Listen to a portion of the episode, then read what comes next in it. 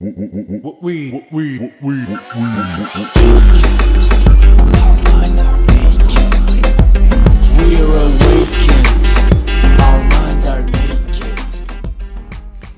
svima, ja sam Martina Đokić, a vi slušate podcast Mentalni nudista.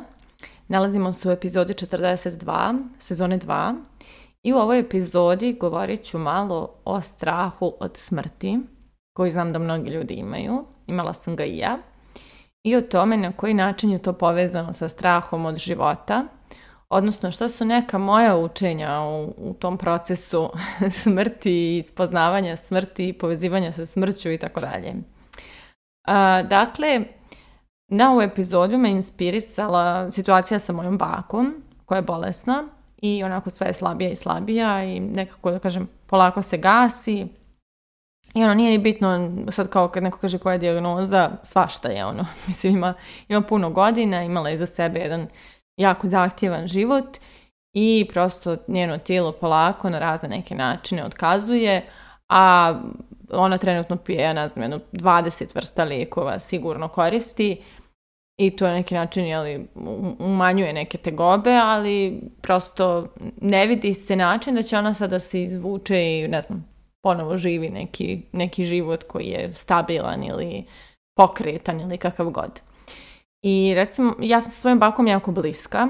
E, ja sam, kao, ne krije da sam ja njeno omiljeno unuče, jer sam ja pored nje i proholjala i prepričala i ona i deda su me čuvali u selu kada su bili na Kosovu ovaj, demonstracije, vadredno stanje i svašta nešto i moji roditelji nisu više smjeli da me ostavljaju u vrtiću jer su stalno od demonstracija je vrtić čak jednom bio kamenovan i ono, djaca su bila u opasnosti, a moji roditelji su morali zbog vanrednog stanja stalno da budu u firmama, tako da su me odveli kod bake i dede i ja sam tu sa devet, tako devet mjeseci došla i otišla sam od njih kao djetešce koje hoda, priča, svašta nešto zna i tako dalje.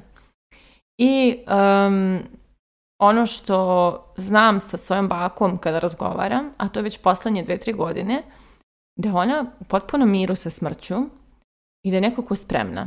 I da uopšte nema neki strah, uopšte nema neki moment, ne znam, pitanja da li to sad treba da se desi, nekako Tačno me ona naučila kroz svoj primjer koliko je i smrt prirodna ukoliko je li dođe tako u nekim kasnim godinama kada čovjek negdje već uradi sve što je mislio ili što je mislio da može i prosto neka životna energija krene polako da se gasi i ona više nema ni neke ciljeve, ni neke težnje, ni nešto specijalno što nju sad vuče da želi još da živi. Njen sljedeći cilj je da umre. I, I sad je to tako, ja kada pričam s njom, ona je vrlo otvorena u tome, ali meni je to ovaj, baš bilo zanimljivo kada sam prvi put od nje to čula, jeli, pri par godina, jer nekako tad sam baš po prvi put počela da razmišljam o tome kako prosto dođe trenutak kada to, to više nije, ono, kako je to kada je to prirodan korak u životu. I ja lično eh, sam dugo isto imala neki strah od smrti Međutim, ušla sam u razne neke duhovne sfere, e, bila sam na ajovasci, na retritu ajovaske, izgooglajte ako ne znate šta je. I tu sam imala priliku ovaj, da prođem kroz proces umiranja, odnosno da mislim da sam umrla. Znam da zvuči čudno, izgooglajte, vjerujte mi na riječ. I negdje tada sam se borila jel, da se ne suočim s tim strahom, onda sam se suočila, onda sam iz tog straha izašla potpuno drugačija, iz tog procesa, iz te ceremonije. I ono što se meni tada preobratilo u glavi jeste da ako svaki dan živim u skladu sa svojim vrijednostima, težnjama, ciljevima, emocijama koje nosim u sebi, ja onda ne brinem kad god otišla sa ovog svijeta i počela sam to da primjenjujem tu lekciju koju sam tada dobila i shvatila sam da funkcioniše. Što to znači? ja sam recimo osoba koja je od malena bilo važno da mijenja svijet. I to je ono neka najveća težnja koju sam ja imala. I ja sam to uvijek na neki način radila. Kada sam bila dijete, skupljala sam ulične životinje i brinula o njima kada sam bila osnovac, srednjoškolac, uvijek sam bila po nekim sekcijama, uvijek sam uh, uh, nešto radila, ne, jeli, neku svijest širila. Kad sam bila na fakultetu, bila sam i volontirala sam u raznim nekim, i u, ne znam, domu za nezbrinutu djecu, i za paketiće za djecu na kosu i tako dalje, svašta sam nešto tu radila i bila sam uh, reosnivač, jedan od reosnivača studentske organizacije, i predsjednik te organizacije i učestvovala sam u kreiranju nekih fenomenalnih projekata koji su dotakli i mnogi, dotakli i mnoge ljude na marginalnim nekim, na marginama života. Posmatrala sam mlade ljude u mom gradu kako iz stiljivih, nesigurnih odrastaju u lidere, u ljude koji znaju šta hoće, koji se ne boje to da traže, a ja sam imala jeli, nekog udjela u tome. Dalje sam otišla u Beograd, pa sam radila na, na još višem nivou organizacije, pa sam opet i tu gledala kako se neki životi mijenjaju kroz i moj rad između ostalog. A onda sam u nekom trenutku ušla u ovu branšu, odnosno odazvala se na ovaj poziv svoj da se bavim ovakvim stvarima i poslednjih e, šest, sedam godina moje karijere ja gledam promjene u ljudima, gledam kako se mire porodice, kako ljudi napuštaju toksične poslove, toksične odnose, kako se zauzimaju za svoje ciljeve, kako kreću u pravcu nekih svojih snova koji su im se ranije činili rizični i nemogući i tako dalje. Znači, nagledala sam se mnogo nevjerovatnih promjena i to je negdje ono što ja radim, uh, a da me čini da se osjećam živom. I da bih radila to, mnogo puta sam morala da povučem neke poteze koji su bili rizični i bili stresni, i bili zahtjevni i dovodili u pitanje i moju egzistenciju i moje dobro stanje i svašta nešto. Ali nekajem se ni zbog jedne stvari, zato što sada i ovdje sam ono na, na najboljem mjestu u svom životu, odnosno najsamouvjerenija, najispunjenija, sa najboljim odnosima u životu i kad E, sa najvećim, da kažem, impaktom koji sada trenutno kreiram, to jest doprinosom koji kreiram, evo i kroz ovaj podcast. I negdje ja ga živim, što bi se reklo u Zemunu. E, ono što je meni najvažnije, ja to živim. Da, ja želim da promijenim cijeli svijet ja želim da globalno se čuje moj glas i da globalno negdje svojim nekim načinima koji mi tada budu inspirativni, ja dotaknem ljude širom svijeta, ali rastem, evo rastem da stignem do te tačke, sada na ovoj tački gdje se sada nalazim, dobacujem do ovdje dokle dobacujem. Mislim, ovaj podcast se sluša globalno, možda ga ne slušaju milioni ljudi, ali se sluša širom svijeta. I onda na neki način, evo već to i do, postižem.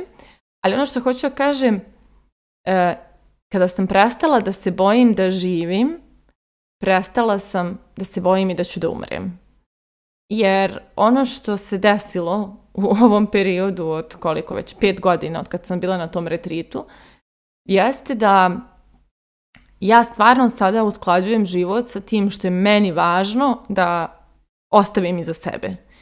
I onda, kad god otišla, ja sam neki dio toga ostavila iza sebe. I to što je meni važno da ostavim iza sebe, meni je važno i da iskusim, jeli? Znači, prosto, moje najveće vrijednosti kreiraju moja najvažnija iskustva u životu, a meni nema ljepše i, i vrednije stvari u životu od toga kada mi neko pošalje poruku ili me nazove ili mi javi da je nešto postigao u radu sa mnom, da je ostvario neki cilj, da je prevazišao neki izazov, da je povjerovao u nešto što ranije nije, da je dostigao nešto što nije, da, da je neki odnos unaprijedio koji je bio težak ili komplikovan i mene to svaki put čini da se osjetim kao da letim, kao da život teče ono 300 na sat mojim venama. I to je moj način da budem živa do, do daske. I onda, evo, večeras otišla, sutra otišla, kad god otišla, e, ostaje iza mene ono što je meni bilo važno da ostane. I onda nekako ne postoji taj neki strah.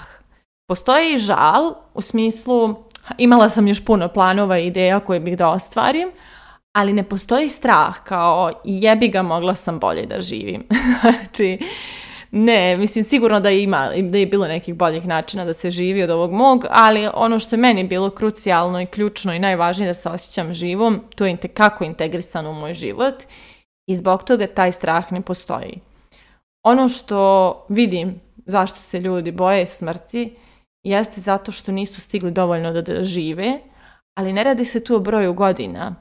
Tu se radi o broju iskustava ili o emocijama ili intenzitetu života koji osjećaju u svojim danima ili u svojim dijelima ili u svojim aktivnostima. I dosta ljudi ono igra na sigurno i radi ono što je pod navodnike pametno umjesto onoga što zaista žele i onda radeći to što je pametno, često rade nešto što izdaje njih same, odnosno nešto što e, ih udaljava od onoga što je njima istinski, suštinski važno i što ih čini da se osjećaju živima. I onda, pošto ne stižu da se osjećaju živima, boje se da, da će da umru, a da nisu stigli da se osjete živima.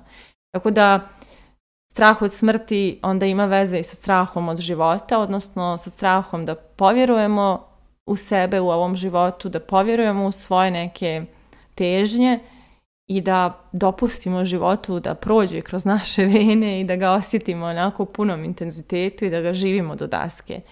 I kao što rekoh, mislim da svi mi imamo neku drugačiju perspektivu šta znači živjeti do daske Nekom je to zaraditi mnogo novca, nekom je to proputovati cijeli svijet, nekom je to imati pet rođace, nekom je to napraviti kompaniju sa 500 zaposlenih, nekom je to probati što više nekih iskustava, ne znam, adrenalinskih. Nekom je to biti najzdravija, najmoćnija fizička osoba na svijetu, što god da je kome, važno je da pratimo ono što je nama važno u životu. I ja sam dugo svoje uspjeh je preispitivala poredić se sa nekim drugim ljudima koji su postigli nešto više u nekim drugim poljima, na primjer u polju financija ili u polju putovanja ili tako dalje. A ja sam u nekom trenutku shvatila, ali ja sve vrijeme biram ono što je meni zaista važno. Da li su mi pare bile prioritet kroz život? Nisu. Da jesu, ja bih napravila i tekako na, na, na nekim velikim nivoima. Da li su mi bila putovanja ranije? Nisu. Tako da bilo mi je prioritet doprinos i rast i to sam upravo to i radila i sve odluke sam uvijek donosila u skladu s tim. Tako da mogu reći da u mom životu ima puno života koji je usklađen sa onim što mene čini živom.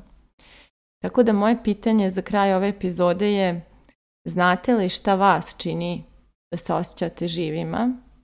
I ako da, idete li za time? mislite o tome, a mi se družimo u narednoj epizodi.